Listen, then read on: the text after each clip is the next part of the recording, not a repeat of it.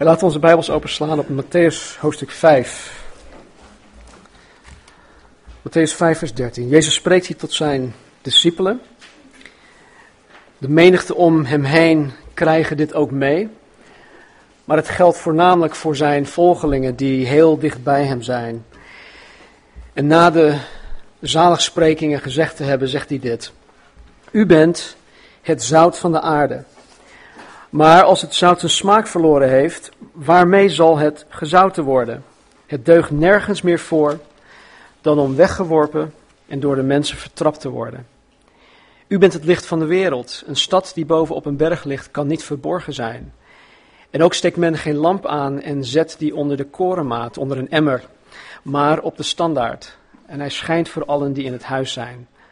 Laat uw licht zo schijnen voor de mensen dat zij uw goede werken zien en uw Vader die in de hemelen is verheerlijken. Eer ik eh, vraag u zegen, Heer, op uw woord. Ik vraag dat uw geest ons verstand zal doen verlichten. Help ons u te begrijpen vanmorgen. Help ons u beter te leren kennen, Heer. Trek ons dichter naar u toe. Breek ons, Heer, waar we gebroken dienen te worden. Bouw ons op waar wij opgebouwd dienen te worden, Vader. Opdat wij inderdaad, zoals uw woord zegt, zout en licht zijn. Dank u wel. Amen. In de eerste twaalf versen van dit hoofdstuk, de zaligsprekingen, leert Jezus zijn discipelen, hij leert ons over het karakter van de christen. Uh, we kunnen dit zien als een, een, een profielschets van de christen, hè, de zaligsprekingen. De ras-echte christen is iemand die, zoals hier ook staat, arm van geest is. Het is iemand die treurt over zijn of haar zonde. Het is iemand die zachtmoedig is. Het is iemand die hongert en dorst naar de gerechtigheid. De echte christen is iemand die barmhartig is, die rein van hart is, die een vredestichter is, die vervolgd wordt om de gerechtigheid. Zo zegt Jezus, ziet de christen eruit. Als je wil weten wat een christen is, kijk naar deze, deze. En vervolgens, hier in vers 13 tot 16, leert Jezus zijn discipelen waar en op welke wijze um, de christen, en wij dus, ons christen zijn tot uiting horen te laten komen. En waar en op welke wijze horen wij ons christen zijn tot uiting te laten komen. Met andere woorden, ik geloof dat, um, dat het natuurlijk gevolg van het bezitten van al deze bovennatuurlijke karaktereigenschappen, dat zij hoe dan ook tot uiting gaan komen. Jezus geeft aan dat wij al deze dingen zijn. En als wij dat zijn, dan komen ze vroeg of laat tot uiting. Nou, als je in, in één woord wil omschrijven waar deze vier versen over gaan, dan geloof ik dat het het woord invloed is. Invloed invloed van het zout zijn en het licht zijn. Jezus leert ons hier dat God, God ervoor gekozen heeft om zijn invloed hier op aarde uit te oefenen door middel van zijn kerk. God heeft er bewust voor gekozen om zijn invloed hier op aarde uit te oefenen door middel van zijn kerk. Door middel van ons, zijn kinderen, door middel van wederom geboren, heilige geest vervulde christenen. God heeft daar bewust voor gekozen. Als ik God was, dan had ik dat niet gedaan. Ik, ik, heb, ik heb al genoeg moeite om, om dingen zeg maar, te delegeren of iets aan iemand anders over te laten, want ik heb toch altijd het idee dat ik het zelf beter kan. Maar God, die alles echt zelf beter kan, die heeft het toch aan ons overgelaten. Vers 13. Hij zegt, u bent het zout van de aarde. Maar als het zout zijn smaak verloren heeft, waarmee zal het gezouten worden? Waarmee zal de aarde gezouten worden? Het deugt nergens meer voor dan om weggeworpen en door de mensen vertrapt te worden. Nou, ten eerste legt Jezus hier alweer de nadruk op het zijn. En de zaligsprekingen, zalig zijn, zij. En hier legt hij weer de nadruk op het zijn. Hij begint hier met, u bent. Oftewel, Jullie zijn. Jullie zijn het zout van de aarde. En nogmaals, als wij zijn zoals de zaligsprekingen omschrijft, dan kan het niet anders dan dat wij ook zout en licht zijn. En daar kom ik zo meteen op terug. Nou, wat hierin super belangrijk is, en ik bedoel echt super belangrijk, is dat wij het zout van de aarde zijn. Het staat er wel, maar goed, misschien lees je eroverheen. Wij zijn het zout van de aarde. Het gebied waar wij zout zijn, is hier op aarde. Midden in de samenleving, overal waar we naartoe gaan, overal waar wij dag in en dag uit komen. Daar zijn wij zout. Kortom, er is geen enkele plek op dit planeet waar wij geen zout zijn. Geen enkele plek. Ook niet op vakantie, hè, of waar je ook bent, waar je denkt van nou, uh, even een time-out. Nee, overal waar wij komen zijn wij het zout van de aarde.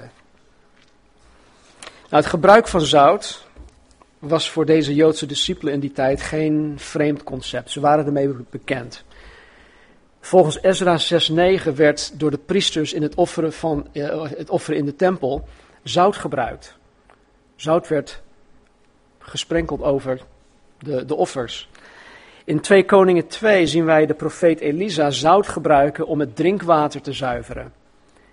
Er was op een gegeven moment drinkwater en dat water dronken de vrouwen en ze werden onvruchtbaar door dat water. En Elisa, de profeet, gebruikte zout om het weer goed te maken. Dan weet ik niet of het het zout was, of dat God gewoon iets bovennatuurlijks had gedaan, maar goed, ze waren ermee bekend. Daar gaat het mij om. En zoals vandaag ook, zout werd gebruikt om smaak te geven aan het eten. Maar het werd vooral gebruikt als conserveringsmiddel. Voor vlees, voor vis. Want ze hadden in die tijd geen koelkasten en vrieskasten. Zout was in die tijd een, een zeer kostbaar iets. Ehm, de Romeinse soldaten van die tijd ontvingen vaak hun salarissen zelfs in de vorm van zout. Ze werden, uh, of ze kregen in zout uitbetaald. In, in Engels uh, hebben wij een gezegde.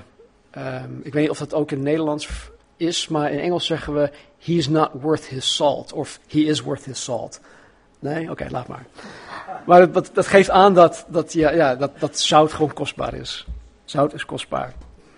De Romeinen van die tijd vonden dat naast de zon er niets meer kostbaar was dan zout. En Jezus geeft hiermee aan dat zijn discipelen hier op aarde zeer kostbaar zijn. In Gods ogen zijn wij niet alleen kostbaar als zijn kinderen, niet alleen kostbaar als zijn schepping, maar als, als zijn vertegenwoordigers die zijn invloed uitoefenen hier op aarde, zijn wij voor God heel kostbaar. Het beeld van het zout dat Jezus hier gebruikt, heeft veel betekenissen. Als je bijvoorbeeld eh, de commentaren leest over dit gedeelte, nou, er zijn er wel twintig verschillende um, betekenissen van, van wat het zout eventueel zou kunnen betekenen. Maar goed, daar gaan we vanavond vanmorgen niet op in. Ik geloof persoonlijk dat het zout van de aarde zijn voornamelijk te maken heeft met het conserveren. Het in stand houden van het goede. Het in stand houden van het juiste, het rechtvaardige hier op aarde. Christenen, zoals deze in de zaligspreking omschreven worden, hebben nou eenmaal een positief invloed op de samenleving. Of we dat nu zien of niet, het is echt zo. Christenen hebben een positief invloed op de samenleving. Um, het ziekenhuis bijvoorbeeld is in de moderne wereld een concept dat ooit door christenen is opgezet. Jullie zijn misschien bekend met het Internationale Rode Kruis, een wereldwijde uh, noodhulporganisatie. Ooit in de 19e eeuw op, um, uh, opgezet door een christen. Kennen jullie YMCA? Ja? Weet jullie waar het voor staat?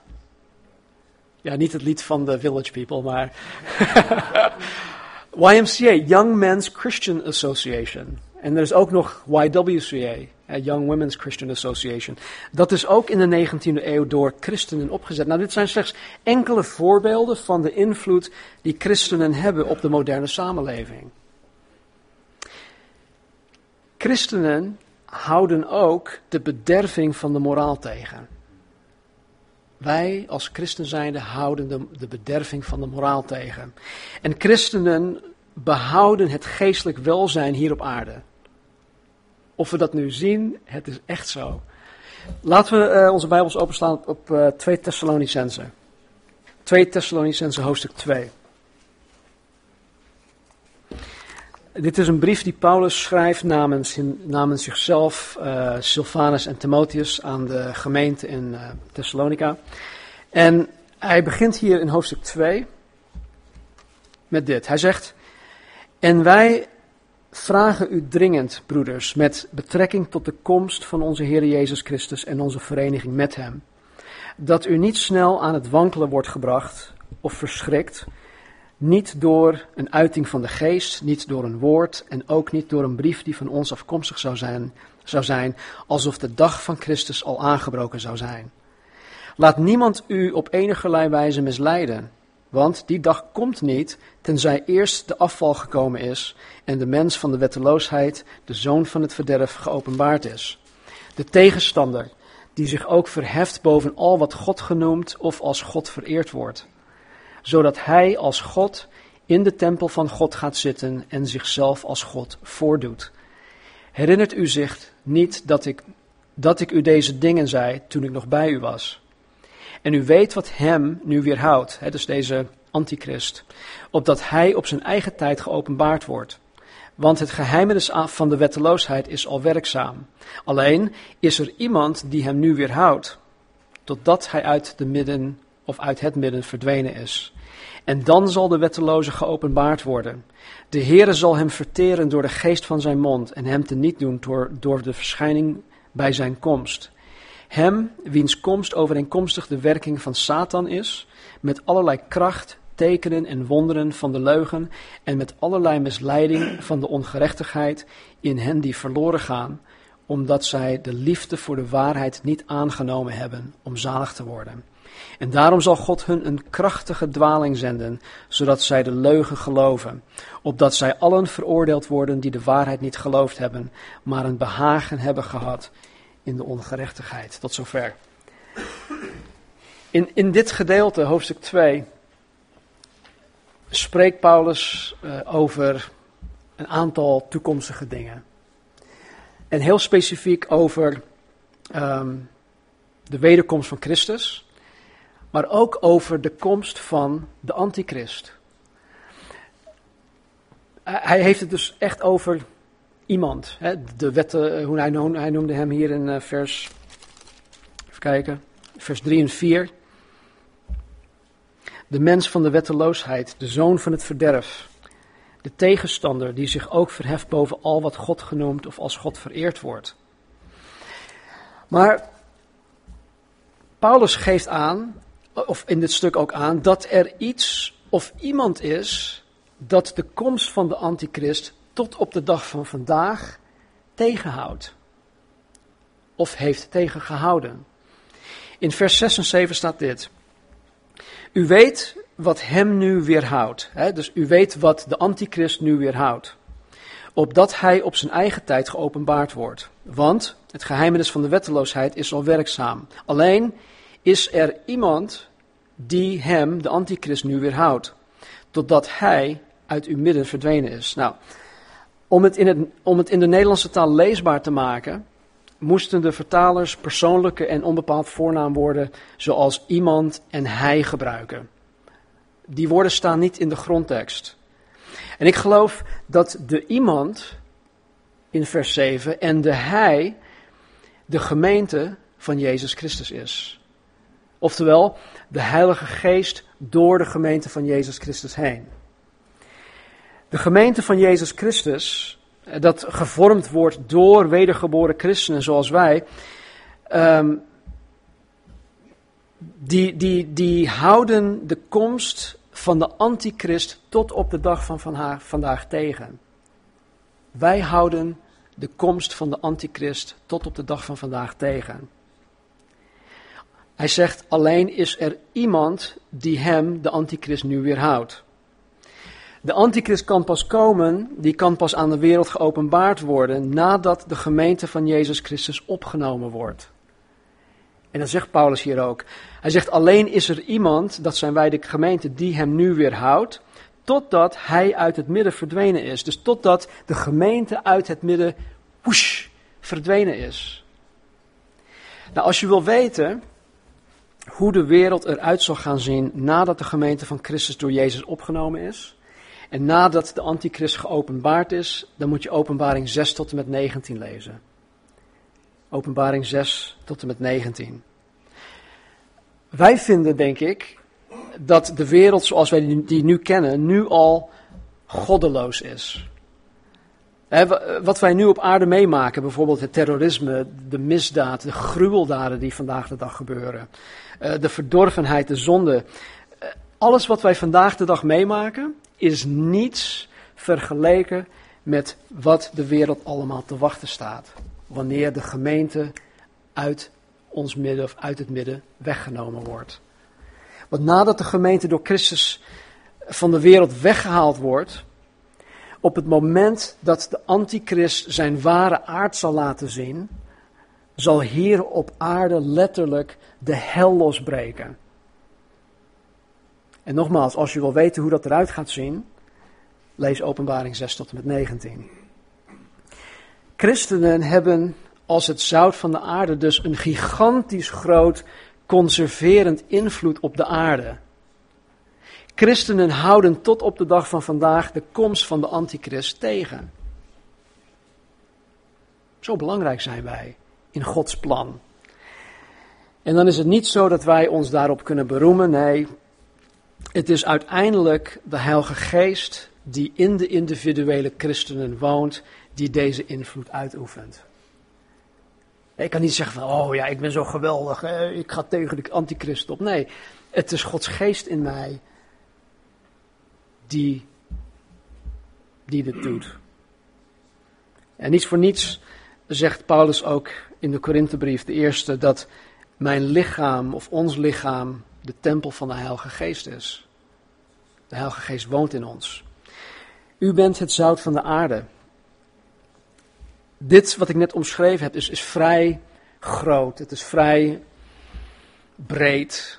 Uh, misschien lijkt het heel ver van je, van, je, van je weg. Misschien is het heel onpersoonlijk voor jou. Maar het zout van de aarde zijn is ook erg persoonlijk. Uh, ik ben persoonlijk het zout van de aarde in mijn eigen leefwereld, in mijn eigen omgeving. Overal waar ik kom, ben ik het zout van de aarde. Het zij thuis, of op mijn werk, of op school, of wanneer ik boodschappen aan het doen ben. Nou, dat doet Marnie bij, bijna altijd. Of wanneer ik de hond uitlaat. Nou, ik heb geen hond. Maar, eh, of wanneer ik aan het sporten ben, of wanneer ik achter het stuur van mijn auto zit. Eh, waar dan ook. In de bus, of de, eh, op de, in de trein, enzovoort, enzovoort. Overal waar wij als christenen persoonlijk contact hebben met mensen, hebben wij invloed. Zijn wij het zout van de aarde? Nou, er zijn verschillende situaties waarin dit tot uiting komt. Mensen moeten ten eerste van ons weten wie wij in Christus zijn waar wij voor staan, waar wij niet voor staan, enzovoort, enzovoort. En, en dit kan door persoonlijke gesprekken met mensen aan te gaan. Het kan door relaties met mensen op te bouwen, hè, op, je, op je werk of op school of de sportschool, waar je regelmatig komt. Waar je dezelfde mensen regelmatig tegenkomt. Maar het kan ook bijvoorbeeld door een eenmalig rechtvaardige daad. Stel, dat je, dat je op de, de A4 of op de A2 rijdt in je auto. En ineens komt het verkeer stil te staan. Je ziet mensen uit hun auto's letterlijk springen, omdat er duizenden eurobiljetten rondvliegen en op het wegdek zijn beland. En dan kom je erachter dat even iets verderop een van die uh, geldauto's nou, is omgekiept, zijn hele lading is, is, is, is hij kwijtgeraakt. Het ligt allemaal verstrooid over, over de snelweg. Nou, iedereen om je heen, die, die rapen als gekken de, de, de, de bankbiljetten op. En ze stoppen zoveel mogelijk wat ze maar kunnen pakken in hun zakken. En, en ze nemen dat mee in de auto en, en ze nemen het weer mee naar huis. Maar, jij daarentegen. Je raapt ook wel geld op, hè, ook zoveel als je kan. Maar jij brengt het geld naar het politiebureau. Waarom? Omdat het je geld niet is. Het is niet jouw geld. Het is van iemand anders en het hoort teruggegeven te worden aan de rechtmatige eigenaar. Nou, ik denk dat in zo'n moment van het juist handelen ben je het zout van de aarde. Want je zult uiteraard de gelegenheid ook krijgen om hier iets over te kunnen zeggen. Van de, de 50 of misschien 75 mensen die het geld meegenomen hebben, ben jij misschien de enige die iets terugbrengt of die iets terug wil geven. Als het zout van de aarde zul je ongetwijfeld dan ook laten weten dat Jezus Christus achter deze rechtvaardige daad zit. want mensen zullen je uiteraard, uiteraard gaan vragen van, joh, waarom, waarom breng je dit terug? Je had het ook mee kunnen nemen. Je had, misschien een je had misschien duizend euro rijker kunnen zijn. Dus waarom breng jij dat terug? Waarom ben je naar het politiebureau gekomen? Dus je zal uiteraard vertellen dat Jezus Christus hierachter zit en dat Jezus het onrechtvaardig handelen van al die andere mensen zwaar afkeurt. Als ik daar voor de uh, politie, uh, noem maar op, uh, iemand, iemand stond en ze begonnen mij vragen te stellen, waarom dit, waarom dat, dan zou ik daar iets, iets vertellen. Niet alleen waarom ik dit wel heb gedaan, maar ik zal ook iets zeggen waarom zij het allemaal niet hebben gedaan. Om duidelijk onderscheid te maken tussen de wereld en het koninkrijk van God. En dat is het zout van de aarde zijn. En door deze actie, dat eigenlijk in een mom van tijd zou kunnen afgerond zijn, heb je wel laten weten waar je voor staat. En je hebt laten weten dat de anderen, eh, wat de anderen gedaan hebben, fout is. Vorige week, ehm, of de week daarvoor was het, op mijn werk, ik vond het grappig, begon een van mijn collega's te vloeken. En ik weet niet meer precies wat ze zei, maar het, het had te maken met God en verdoemenis. En ze begon te vloeken en ineens, ze zei, oh sorry, ja, ik mag, ik mag niet vloeken. Hoe komt ze erbij? Ze doet dat niet bij de andere collega's, nee, dus met andere collega's vloeken ze allemaal. En de een vloekt meer dan de ander. Maar op een gegeven moment zei ze: Sorry, ik mag niet vloeken. Dat komt omdat zij, en ze had het niet, nog niet van mij gehoord, maar ze heeft het van een andere collega gehoord, dat ik christen ben. En dat ik ook, dat we hier met de kerk bezig zijn en zo. Dus alleen al de, de, um, de knowledge, uh, de wet, ja, wetenschap dat, dat ik een christen ben, deed haar, haar, ja, haar, haar iets, iets veranderen in, in, haar, in, haar, in, haar handel, in haar handelingen, in haar gedrag. Op een andere locatie waar ik zo'n zeven jaar gewerkt heb, wisten mijn collega's wel wie ik ben en waar ik wel en niet voor sta. Maar ik werkte daar dus niet fulltime, ik werkte daar twee of drie dagen in de week. En op de dagen dat ik daar was, merkte ik, want anderen vertelden dat dan ook, dat, dat mijn collega's zich anders gedroegen wanneer ik er was. En ze spraken minder over seks en vrouwen. Ze vloekten minder. En ze hielden tot op zekere hoogte rekening met mij. En dat, ja, dat kon ik wel waarderen. Als het zout van de aarde had ik daar wel degelijk een positief en conserverende invloed. Het was zelfs zo dat op de dagen dat ik werkte, dat de apparatuur die, wij daar gebruikten, zelden in storing ging. We hebben het over, over Xerox printers van uh, zoveel ton. Ze klaagden al, alleen maar over die rotmachines, dit en dat. En ja, ze staan altijd in storing. Maar op de dagen dat ik werkte, ging, ja, was, er, was er heel weinig storing. En het mooie hiervan is dat een van mijn collega's uh, mij dit vertelde. Hij zei, ja, het, valt me op dat wanneer jij er bent, dat er minder storingen zijn. Weet je, dit zijn misschien hele kleine voorbeelden, maar het geeft wel aan dat wij christenen een positief en conserverende invloed kunnen hebben hier op aarde. U bent het zout van de aarde. Maar als het zout zijn smaak verloren heeft, waarmee zal het gezouten worden? Het deugt nergens meer voor dan om weggeworpen en door de mensen vertrapt te worden. Nou, ehm, zuiver zout. En ik ben niet een kei en scheikunde, maar ik geloof dat zuiver zout zijn smaak niet kan verliezen. Maar in die tijd, in die streek, hadden ze te maken met Palestijns zout. Dat klinkt heel fout, maar ze hadden te maken met Palestijns zout. Dat door verdamping werd gewonnen uit de Dode Zee. Dus het is een hele andere, ander proces. En het Centrum voor, uh, voor Bijbelonderzoek zegt dit. Dit zout was samengesteld uit verschillende elementen en door ontbinding van de samenstelling werden de onzuivere elementen zoals gips bitter en onbruikbaar. Wegwerpen, weggooien op straat was en is in het oosten de manier om zich van huisvuil te ontdoen. En in dit geval was het dus wel mogelijk dat zout zijn smaak zou kunnen verliezen. En waardoor het volkomen waardeloos zou worden. Hier zegt Jezus dat als het zout zijn smaak verloren heeft, het nutteloos is. Nou, wat hier in de grondtekst staat, is dit. Als het zout zijn kracht verliest. Of letterlijk, als het zout dwaas wordt. Dat is heel raar.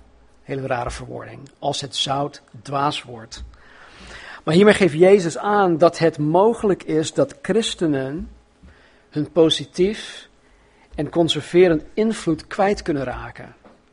Wij kunnen het kwijtraken. En de manier waarop, waarop wij uh, dit kwijt kunnen raken is door hun kracht te verliezen. Door onze kracht te verliezen raken wij onze smaak kwijt. Door dwaas te worden raken wij onze smaak kwijt.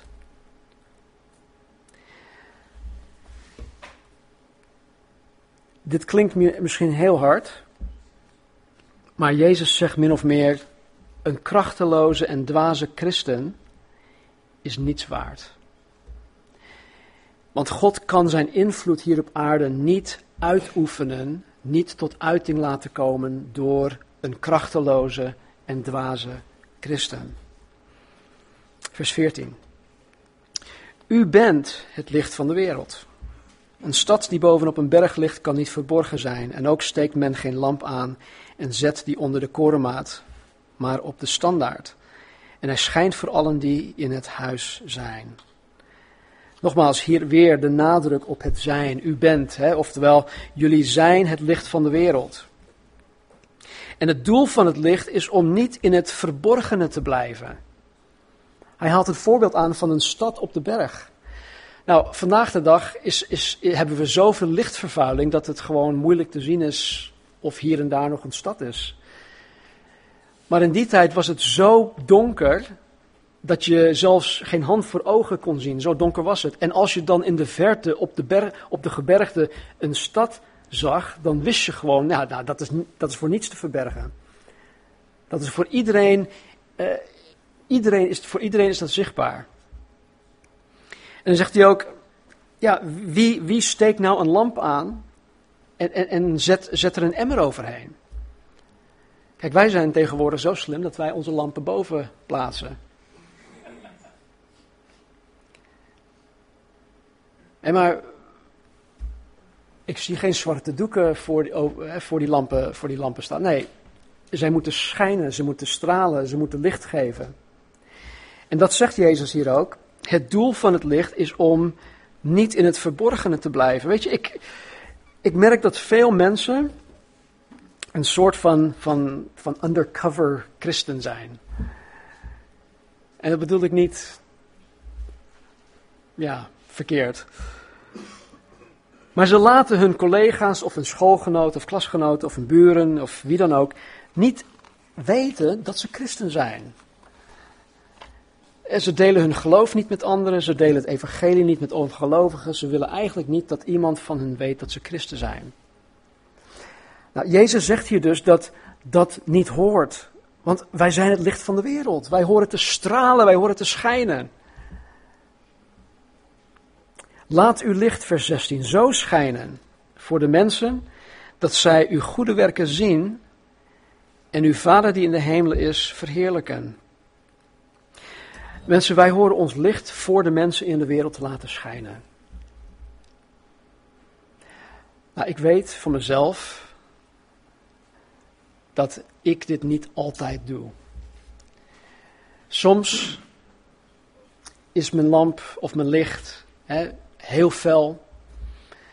Is het soms, uh, ja, licht wordt gemeten in lumen, klopt dat? Ja.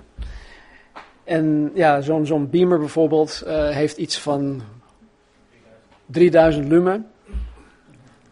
Probeer maar in, in, in die lamp te kijken. Het is, het is oogverblindend. Het is zelfs slecht voor je ogen. Dus ik zou het niet aanraden. Maar soms heb ik, het, heb ik het idee, heb ik het gevoel dat mijn licht niet eens niet, ja, niet 3000 lumen uh, produceert, maar misschien 0,25 lumen. Het is amper zichtbaar. En dan heb ik ja, zo'n naar gevoel, want ja, ik, ik, ben het, ik ben het licht van de wereld. Ik, ik hoor te schijnen, ik hoor mijn, mijn licht te laten schijnen voor de mensen.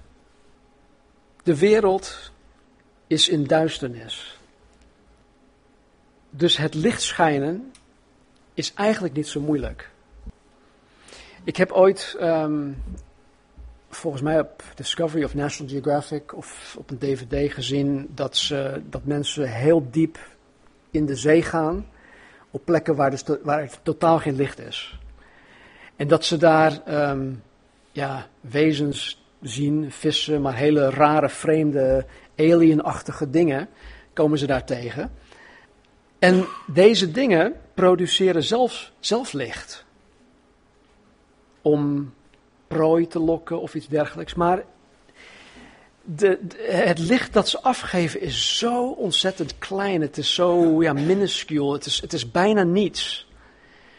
Als, als ze dat licht hier in deze zaal zouden afgeven, dan zou het ons niet eens opvallen.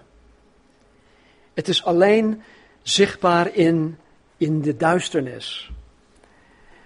En weet je, ik geloof dat, dat, dat, dat, dat het een hele grote bemoediging voor ons kan zijn.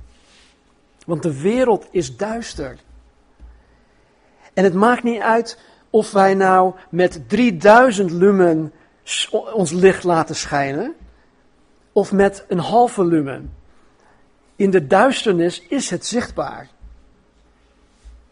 Dus op de dagen dat ik het, het, gevoel heb van, oh man, mijn lampje is bijna uitgebrand.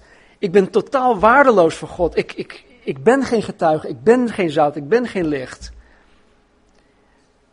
Dan laat God me toch zien, hé, hey, het is een en al duisternis hier op aarde. Elk vonkje licht die jij, Stent, produceert hier op aarde, is goed. Dus wees gewoon wie je in Christus bent. En je zult al een licht zijn in deze duistere wereld.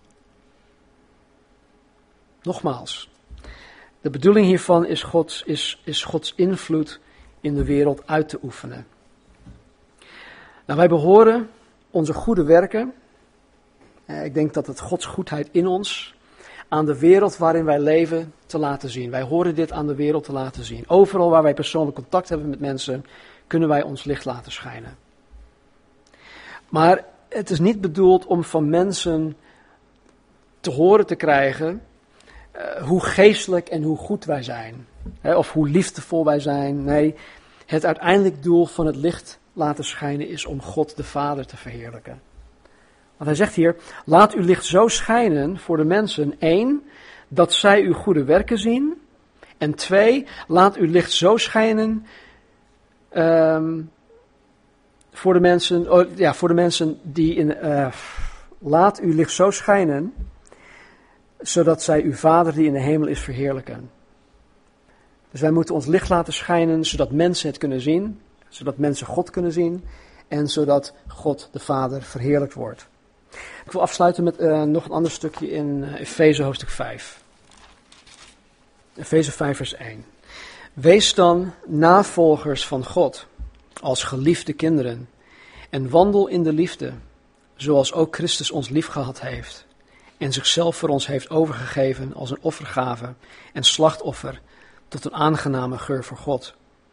Maar ontucht en alle onreinheid of hebzucht Laten die onder u beslist niet genoemd worden, zoals het heilige past. En evenmin oneerbaarheid, dwaze praat en lichtzinnige taal, die onbehoorlijk zijn. Maar veel meer past dankzegging.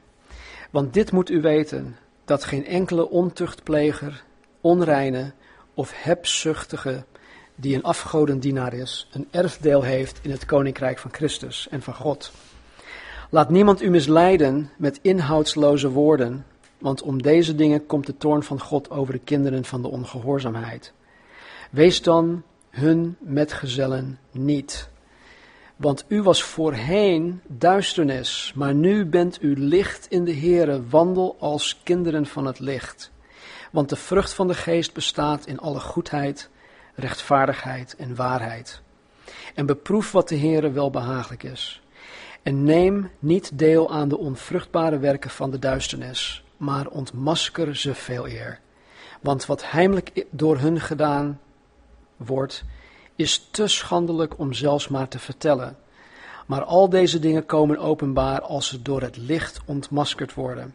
Want al wat openbaar maakt, is licht. Daarom zegt hij: Ontwaak u die slaapt, sta op uit de doden, en Christus zal over u lichten. Let er dan op dat u nauwgezet wandelt, niet als dwazen, maar als wijzen, en buit de geschikte tijd uit, omdat de dagen vol kwaad zijn. Wees daarom niet onverstandig, maar begrijp wat de wil van de Heer is. Nou, in dit stuk tot zover geeft Paulus ons een hoop praktische instructies over wat het is om licht te zijn hier op aarde. In vers 8 zegt hij: U was voorheen duisternis, maar nu bent u licht in de Heer. Wandel als kinderen van het licht. En nogmaals, de wereld is zo duister. Het is niet moeilijk om het licht van de wereld te zijn. Wees gewoon wie je bent in Christus. Vraag God, Heer, help mij om een christen te zijn, te worden, om daar naartoe te groeien, zoals de zaligsprekingen omschrijft. En de rest zal allemaal vanzelf gaan. Het is niet iets waar, waar, waar je elke dag opstaat en zegt van, oh man, ik leef in een kramp, ik moet vandaag zout zijn, ik moet zout zijn, ik moet zout zijn, ik moet licht zijn, ik moet licht zijn. Nee, als je met Christus wandelt, als je met, met Hem tijd doorbrengt, dan ben je vanzelf zout en licht. Ik had gezegd dat ik hiermee wil afsluiten als laatste nog één ding. Handelingen hoofdstuk 2. Ja, ik heb nog een paar minuten. Nee, dit is echt het laatste. Weet je, wij als christen zijnde, wij worden belaagd, geteisterd, we worden aangevallen door de wereld om ons heen. Wij worden aangevallen door de Satan, we worden aangevallen door ons eigen vlees, ons eigen ik. Dit zijn dingen waar we allemaal dagelijks mee of tegen strijden als christen zijnde. En deze dingen die zijn, um, ja, uh, het doel van al deze dingen is om, is om ons, onze smaak uh, kwijt te laten raken, om het licht te doven. En ik geloof dat, dat veel van ons die, die afgezwakt zijn in het christen zijn, die, die vermoeid en belast zijn, uh, die eigenlijk ja, niet zo enthousiast meer zijn voor de Heer of voor het Koninkrijk van God.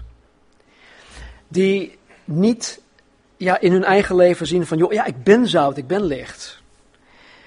Ik geloof dat dat een, een hele belangrijke ja, een, een, een, oorzaak heeft. En ik denk dat de oorzaak ligt in, in uh, Handelingen 2, vers 42. Over de eerste gemeente gesproken, zegt Lucas hier, en zij, dus de eerste gemeente, de eerste gelovigen, zij volharden in de leer van de apostelen, dus in bijbelstudie. Zij volharden in de gemeenschap, dus de fellowship, de diensten bezoeken, de, of het nu zondag is of donderdag of whatever. Het is um, volharden in het breken van het brood, wat ik geloof het heilig avondmaal te zijn, en in de gebeden. Nou, ik wil zeggen, dat ik geen enkele christen ken als hij of zij zich volhardt in deze dingen, dat hij of zij een zwakke christen is. Dat bestaat echt niet. Dat bestaat echt niet. Een zwakke christen is iemand die zich niet weet te volharden in de leer van de apostelen, in het woord van God. Een zwakke christen is zwak omdat hij of zij zich niet weet te volharden in de gemeenschap, in het samen zijn, in het samenkomen, in het bijwonen van de zondagsdiensten of de donderdagavonden of de mannen- en vrouwenochtenden, wat dan ook, waar wij als christenen samenkomen. Een zwakke christen is zwak omdat zij ook niet het heilig avondmaal vaak genoeg nemen. En een zwakke christen is zwak omdat zij de kracht van het gebed niet kennen. Dus als je vanmorgen het idee hebt van, joh, Stan, ik, ik, ik heb het allemaal aangehoord, ik heb de zaligsprekingen allemaal aangehoord, maar ik, ik, ja, dat, dat ben ik eigenlijk niet. Ik, ik ben zwak. Ik, ik voel me zo zwak in deze dingen. Dan wil ik je heel sterk aanmoedigen om God te vragen waarin je tekortschiet. In deze vier dingen. In het woord van God. In het gebed. In het nuttigen van het heilige avondmaal. Ook in het samen eten. Hè, want het heilige avondmaal werd vroeger ook gewoon samen gedaan. Als een soort van American potluck. Laten we bidden. Heer, ik dank u zo voor uw genade. Dank u wel, Jezus, voor uw woord. Dank u dat u zo nauwkeurig hebt neergezet wat u van ons verlangt. Wie wij zijn.